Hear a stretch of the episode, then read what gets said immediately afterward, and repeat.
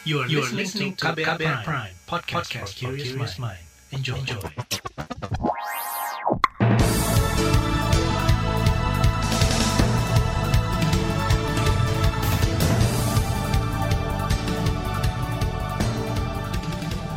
Selamat pagi saudara, inilah Buletin Pagi edisi 27 Januari 2021 bersama saya Reski Mesanto. Seperti biasa, pagi hari ini kami telah menyiapkan sejumlah informasi untuk Anda. Di antaranya komponen cadangan dikhawatirkan picu penyalahgunaan kepentingan, kasus positif COVID-19 di Indonesia tembus 1 juta dan belasan kabupaten kota di Jawa Timur berlakukan PPKM. Saudara, inilah Buletin Pagi selengkapnya terbaru di Buletin Pagi. Saudara, pemerintah berencana membentuk komponen cadangan atau Komcat guna memperbesar dan memperkuat kekuatan dan kemampuan pertahanan negara. Komponen cadangan adalah sumber daya nasional yang telah disiapkan untuk dikerahkan melalui mobilisasi.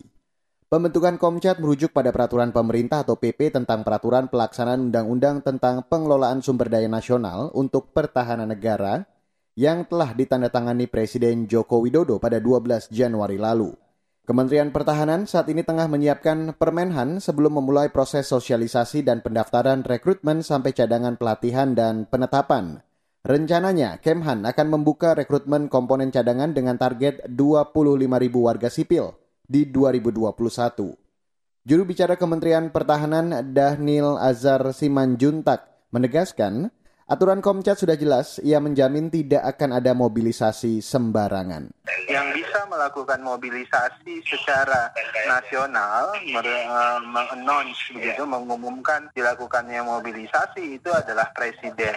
Dan presiden itu tidak bisa semena-mena memobilisasi dan hanya bisa memobilisasi kalau disetujui oleh DPR. Dan itu terkait dengan ancaman ada perang misalnya, kemudian bencana alam. Juru bicara Kementerian Pertahanan Dahnil Anzar Simanjuntak meminta masyarakat tidak khawatir berlebihan terkait mobilisasi komponen cadangan ini karena diawasi TNI. Selain itu, pola rekrutmen komponen cadangan juga akan diatur. Pembentukan Komcat akan dikelompokkan di tiga bagian atau matra, yakni darat, laut, dan udara, mirip dengan posisi matra TNI. Syaratnya antara lain, WNI berusia 18 hingga 35 tahun, sehat jasmani dan rohani, serta setia pada NKRI yang berdasarkan Pancasila dan UUD 1945. Saudara, rencana pembentukan Komcat menuai kritik dari sejumlah pihak. LSM Setara Institut khawatir pembentukan komponen cadangan di Kementerian Pertahanan bakal memicu masalah baru. Salah satunya penyalahgunaan kepentingan. Menurut Direktur Riset Setara Institut Halili Hasan, komponen cadangan bisa digunakan menghadapi ancaman keamanan dalam negeri dengan dalih komunisme, terorisme, dan konflik. Ancaman itu berpotensi menimbulkan konflik horizontal di masyarakat. Sehingga eh, TNI yang tidak reformis dan tidak sepenuhnya tunduk pada kerangka demokrasi dan supremasi sipil ini memang potensial untuk kemudian menggunakan komponen cadangan ini sebagai instrumen kepentingan yang bertentangan dengan demokrasi dan hak asasi manusia. Direktur Riset Setara Institut Halili Hasan menilai Pembentukan komponen cadangan guna menghadapi ancaman militer dan non-militer bukan jawaban yang tepat. Koalisi masyarakat sipil mendesak pemerintah menguatkan militer melalui reformasi TNI, pembaruan alutsista, dan menuntaskan masalah kesejahteraan prajurit ketimbang membentuk komponen cadangan. Sementara itu, saudara anggota Komisi Pertahanan DPR, Effendi Simbolon, menyarankan Kemenhan menjelaskan fungsi dan tujuan dibentuknya Komcat kepada masyarakat.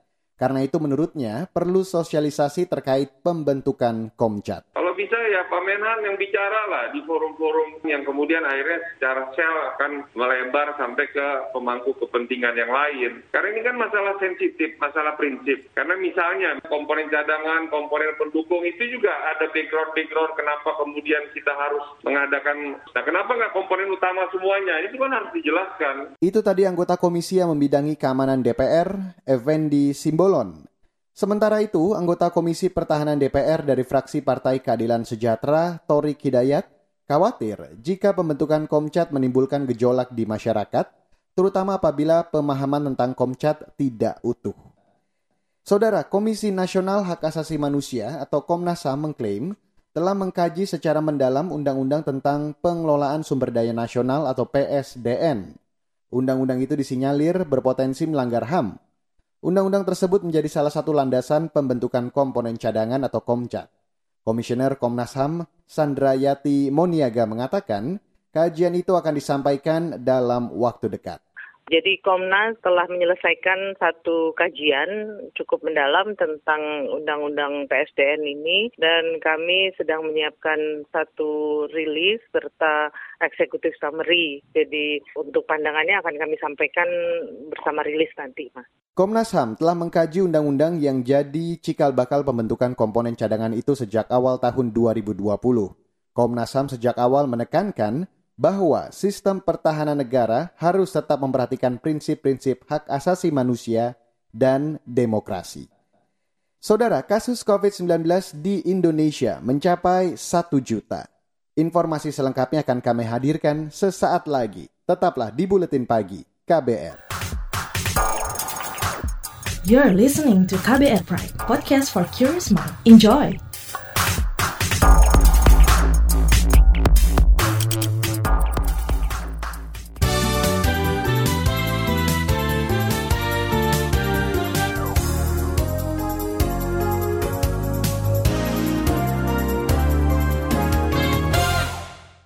Kita ke informasi terkait COVID-19, Saudara. Jumlah kasus terkonfirmasi positif COVID-19 di Indonesia mencapai 1 juta orang.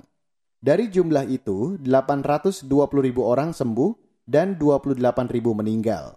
Kementerian Kesehatan bakal menyikapi kondisi tersebut dengan bekerja ekstra guna menekan laju penularan. Menteri Kesehatan Budi Gunadi Sadikin menyatakan akan meningkatkan pelacakan, pengetesan, dan perawatan pasien COVID-19. Di sini kami di Kementerian Kesehatan akan bekerja keras, sangat keras untuk memastikan bahwa program testing, program tracing atau pelacakan, dan program isolasi kita bisa lakukan dan kita eksekusi dengan baik. Menteri Kesehatan Budi Gunadi Sadikin menyebut, satu juta kasus positif COVID-19 menjadi duka bagi Indonesia. Budi meminta seluruh pihak bekerja ekstra menekan kasus penularan virus corona dengan disiplin melaksanakan protokol kesehatan. Di Indonesia, kasus virus corona terjadi pertama kali pada Maret tahun lalu. Saudara Mabes Polri menjamin keberadaan pasukan pengamanan masyarakat atau PAM Swakarsa yang digagas calon Kapolri Listio Sigit Prabowo berbeda dengan 1998. Saat itu PAM Swakarsa identik dengan kekerasan dan dibentuk untuk menghalau aksi mahasiswa. Juru bicara Mabes Polri, Rusdi Hartono mengatakan, PAM Swakarsa akan dibentuk atas dasar kemauan, kesadaran, dan kepentingan masyarakat. Jadi bentuk PAM Swakarsa inilah yang akan disentuh dan dimantapkan kembali oleh Komjen Listio Sigit Prabowo. Jelas ini semua merupakan bentuk PAM Swakarsa yang sangat berbeda dengan PAM Swakarsa pada tahun 98. Juru bicara Mabes Polri, Rusdi Hartono mengklaim keberadaan PAM Swakarsa sudah sesuai Undang-Undang Kepolisian dan Peraturan Kapolri. Sebelumnya, dalam uji kelayakan di DPR, calon Kapolri Listio Sigit Prabowo mengatakan bakal menghidupkan PAM Swakarsa di masa kepemimpinannya kelak. Alasannya untuk mewujudkan keamanan dan ketertiban masyarakat. Padahal rencana itu juga menuai kritik di era Kapolri Idam Aziz. Saudara kepolisian menyebut paksa Ambrosius Nababan usai ditetapkan sebagai tersangka dugaan kasus rasisme. Sebelumnya ia mengunggah konten berisi foto bekas komisioner Komnas HAM Natalius Pigai yang disandingkan dengan gambar gorila. Juru bicara Mabes Polri Argo Yuwono mengatakan, Ambrosius ditetapkan sebagai tersangka usai penyidik melakukan gelar perkara siang tadi. Kata dia, Ambrosius dijerat pasal mengenai diskriminasi dan penyebaran informasi ujaran kebencian SARA dengan ancaman hukuman di atas lima tahun penjara. Sebelum menetapkan tersangka, penyidik telah memeriksa sejumlah saksi, ahli pidana, dan ahli bahasa. Saudara Jaksa Agung disarankan mencabut banding terkait tragedi Semanggi 1 dan 2 yang disebutnya bukan pelanggaran HAM berat. Menurut anggota Komisi Hukum DPR, Taufik Basari, Jaksa Agung ST Burhanuddin sebaiknya menjalankan putusan PT UN tersebut ketimbang harus berhadapan dengan keluarga korban di pengadilan. Mewajibkan tergugat ya Jaksa Agung untuk membuat pernyataan terkait penanganan dugaan pelanggaran HAM berat Semanggi 1 dan Semanggi 2 sesuai dengan keadaan yang sebenarnya dalam rapat kerja dengan Komisi 3 DPR RI. Kalau kita lihat amar putusan ini kan sebenarnya bagus, tidak ada masalah. Justru itu adalah tugas dari Jaksa Agung dan Kejaksaan Agung untuk menyampaikan segala hal terkait dengan persoalan ini di dalam rapat kerja Komisi 3. Anggota Komisi Hukum DPR Taufik Basari mendorong Jaksa Agung fokus pada penuntasan dugaan pelanggaran HAM berat di dua insiden itu dengan duduk bersama keluarga korban. Sebelumnya, PT UN memutuskan Jaksa Agung ST Burhanuddin melakukan perbuatan melawan hukum terkait pernyataan yang menyebut insiden Semanggi 1 dan 2 bukan pelanggaran HAM berat. Beralih ke informasi ekonomi, Saudara, anggaran penanganan COVID-19 dan pemulihan ekonomi nasional atau PCPN akan meningkat pada tahun ini.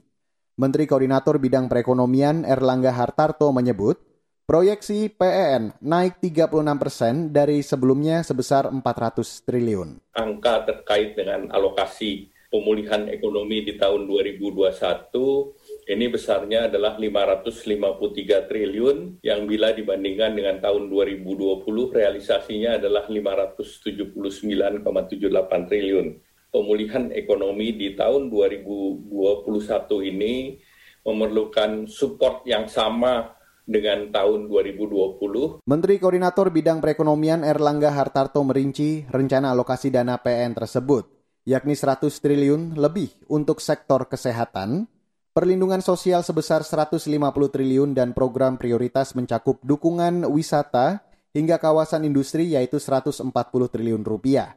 Ada juga dukungan UMKM dan pembiayaan korporasi sebesar 156 triliun rupiah. Beralih ke mancanegara, saudara, pemerintah Iran meminta pemerintah Indonesia menjelaskan soal penyitaan kapal tanker berbendera Iran. Juru bicara Kementerian Luar Negeri Iran, Said Hatib Zadeh menyebut, penyitaan itu karena masalah teknis dan hal itu terjadi di bidang perkapalan. Sementara itu, juru bicara Kementerian Luar Negeri Indonesia, Teuku Faizasyah, membenarkan soal penyitaan tersebut. Kata dia, ada dua kapal yang disita Badan Keamanan Laut karena diduga melanggar hukum internasional. Mengutip antara news.com, dua kapal itu ialah MT Horse dan MT Freya berbendera Panama. Kapal-kapal itu disita di perairan Pontianak, Kalimantan Barat akhir pekan lalu. Dan saat ini penyelidikan terkait dugaan pelanggaran tersebut sedang didalami. Sekarang kita beralih ke berita olahraga, saudara. Pebulu tangkis tunggal putra Indonesia, Anthony Sinisuka Ginting mendapat undian berat di BWF World Tour Finals 2021 yang berlangsung di Thailand 27 hingga 31 Januari 2021. Ginting berada di grup A tunggal putra bersama Victor Axelsen dari Denmark, Chow Tien Chen dari Taiwan, dan Le Zijia dari Malaysia. Ginting mengaku bakal menikmati setiap pertandingan dan menjaga fokus di pertandingan. Dari lapangan hijau, saudara, klub di Liga Spanyol Barcelona terancam bangkrut karena utang yang menumpuk dan sebagian besar jatuh tempo. Saat ini total utang Barcelona mencapai 1.100 juta euro atau setara 20 triliun rupiah. Sementara pendapatan Barcelona sejak musim 2018-2019 terus menurun. Barcelona juga berutang kepada 19 klub lain terkait pembelian pemain seperti Liverpool, Ajax Amsterdam, Valencia, Bordeaux, Atletico Madrid, dan Juventus. Saudara, laporan khas KBR tentang pesan untuk Kapolri baru terkait catatan pelanggaran HAM. Sesaat lagi akan kami hadirkan untuk Anda. Tetaplah di Buletin Pagi. You're listening to KBR Pride, podcast for curious mind. Enjoy!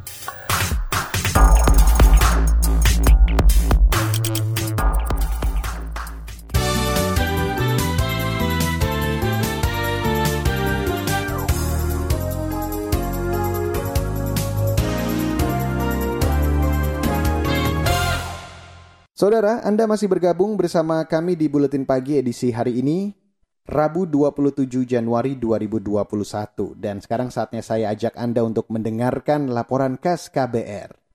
Saudara, Yayasan Lembaga Bantuan Hukum Indonesia atau YLBHI mengeluarkan laporan hukum dan HAM tahun 2020 yang bertajuk Represi dan Otoritarian Membuncah di Tengah Pandemi. Di dalamnya terdapat laporan dugaan pelanggaran HAM yang dilakukan Polri. Ini menjadi catatan untuk Kapolri baru yang akan dilantik hari ini. Informasi selengkapnya akan kami hadirkan telah disusun oleh jurnalis KBR Siti Sadida Hafsyah. Yayasan Lembaga Bantuan Hukum Indonesia YLBHI mencatat sepanjang tahun 2020 lalu terjadi berbagai pelanggaran hak kebebasan masyarakat sipil yang tersebar di seluruh wilayah Indonesia. Pelaku utamanya adalah polisi. Ketua Bidang Pengembangan Organisasi YLBHI, Febio Nesta, menyampaikan di tahun 2020 ini YLBHI mencatat ada 351 kasus pelanggaran hak kebebasan sipil yang tersebar di seluruh wilayah Indonesia, termasuk Sumatera Utara, Sumatera Barat, Sumatera Selatan, Lampung, Riau, eh, DKI Jakarta, Jawa Barat, Jawa Tengah, Jawa Timur, Yogyakarta, Bali, Sulawesi Selatan, Sulawesi Utara, dan Papua. Nah, kasus-kasus tersebut didominasi oleh pelanggaran hak berekspresi dan menyatakan pendapat di muka umum. Laporan hukum dan hak asasi manusia yang dikeluarkan YLBHI itu bertajuk represi dan otoritarian. Dalam catatan YLBHI, hak dan kebebasan sipil kerap direnggut oleh Polri dalam proses penegakan hukum, termasuk di antaranya hak berekspresi dan menyatakan pendapat di muka umum. Terkait dengan aktor pelaku dalam berbagai pelanggaran yang terjadi, sebagian besar pelanggaran hak berekspresi dan berpendapat dilakukan oleh aktor negara. Dalam hal ini, kepolisian itu menjadi aktor pelaku pelanggaran utama, di samping ada pula keterlibatan militer. Dan dari pelanggaran tersebut juga uh, bahwa kriminalisasi menempati urutan tertinggi dari modus pelanggaran hak berpendapat dan berekspresi. Lebih dari 50% dari seluruh kasus yang dihimpun itu modus pelanggarannya adalah kriminalisasi. Dalam hal ini kriminalisasi melibatkan pihak kepolisian. Ketua Bidang Advokasi YLBHI Muhammad Isnur juga mencatat ada 100 lebih pelanggaran hak atas peradilan yang adil atau fair trial sepanjang tahun lalu. Korbannya ada lebih dari 4.000 dengan pelaku yang didominasi oleh anggota polisi. Pelakunya kalau kita lihat memang karena berhubungan dengan penegakan hukum ya, penangkapan upaya paksa dan lain-lain, di sini terlihat polisi yang memang dia tuh hampir 80% kejadian atau kasus-kasus itu melibatkan polisi dalam pelanggaran atau kasus-kasus yang diadukan dalam kasus trial. Dan kalau kita lihat rasio statistiknya berkenaan dengan korban, hampir 91% lebih korban dari 4.000 sekian tadi ya, itu pelakunya polisi. Itu rasionya seperti itu, jadi hampir menyeluruh pelanggarannya. Isnur menilai sikap polisi ini lahir disebabkan adanya surat telegram Kapolri yang mengarahkan anggota kepolisian untuk mengesampingkan hak-hak masyarakat. Misalnya menyampaikan pendapat melalui aksi unjuk rasa menolak Undang-Undang Cipta Kerja. Bagaimana telegram Kapolri dibuat dengan rencana sistematis di sana ada melarang aksi, mengalihkan aksi, kemudian ada kontra narasi gitu ya. Jadi bukan sekedar dia pelanggarannya di hilir penangkapan tapi memang di hulu. Ada instruksi yang secara sistematis dilakukan untuk menganggap aksi-aksi adalah kegiatan terlarang. Komisi Nasional Hak Asasi Manusia juga mendapat pengaduan dari masyarakat mengenai tindakan-tindakan represi dari polisi. Hal ini disampaikan Komisioner Komnas HAM BK Ulung Hapsara. Yang pertama adalah soal proses di kepolisian yang lambat. Yang kedua, proses di kepolisian yang tidak sesuai dengan prosedur hukum. Yang ketiga, soal kekerasan aparat. Terus kemudian soal kriminalisasi. Itu beberapa hal yang menjadi pokok aduan masyarakat dan kepolisian.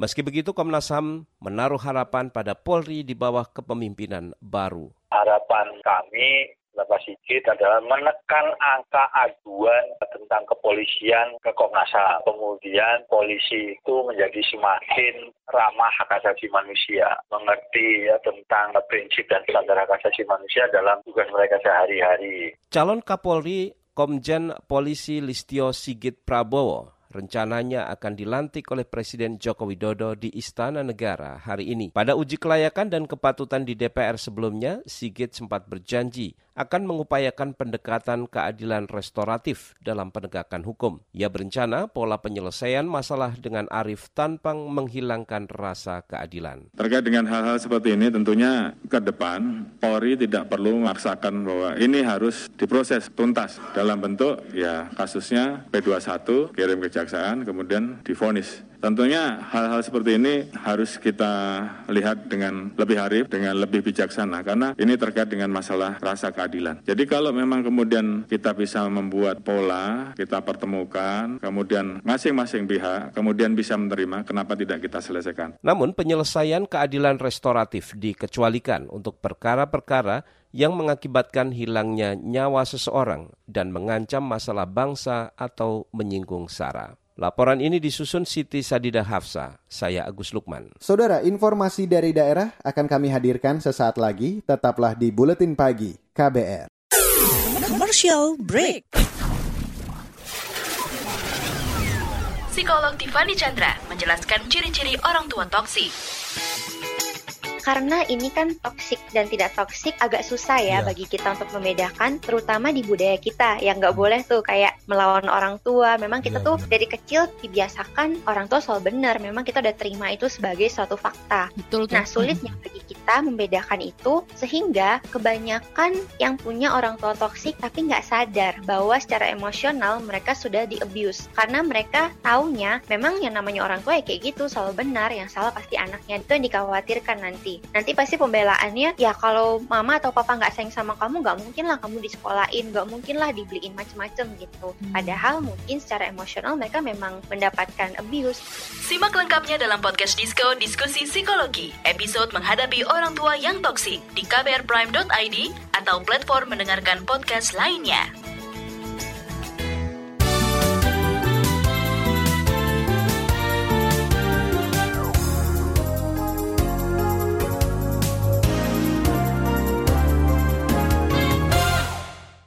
Dan inilah bagian akhir dari buletin pagi.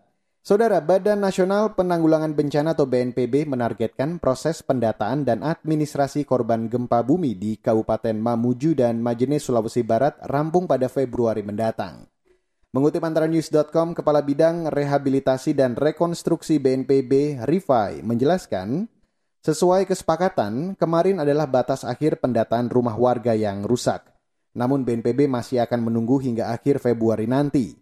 Ia berharap penyelesaian dampak gempa khususnya terkait rekonstruksi perumahan bisa selesai dalam enam bulan sehingga tidak ada lagi warga di pengungsian. Para pengungsi akan diberi bantuan dana langsung 100% sesuai kondisi kerusakan rumah. Kita beralih ke Jawa Timur, saudara. Belasan kabupaten kota di Provinsi Jawa Timur mulai menerapkan pemberlakuan pembatasan kegiatan masyarakat atau PPKM jilid kedua.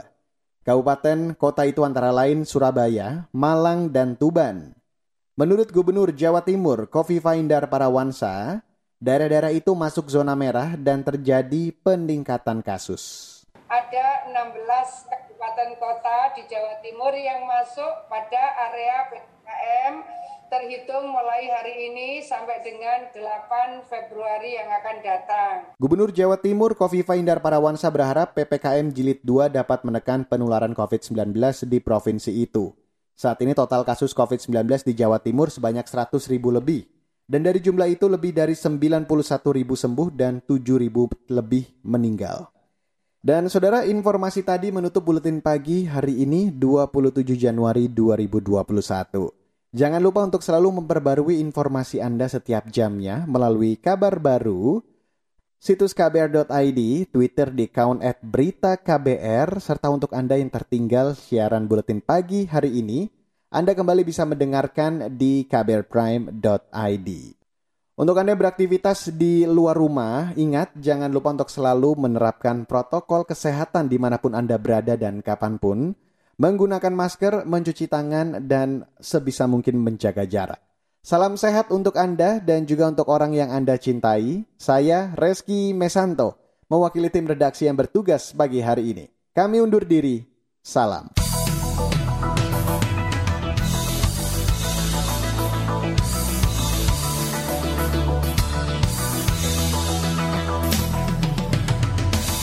KBR Prime, cara asik mendengar berita. KBR Prime, podcast for curious mind.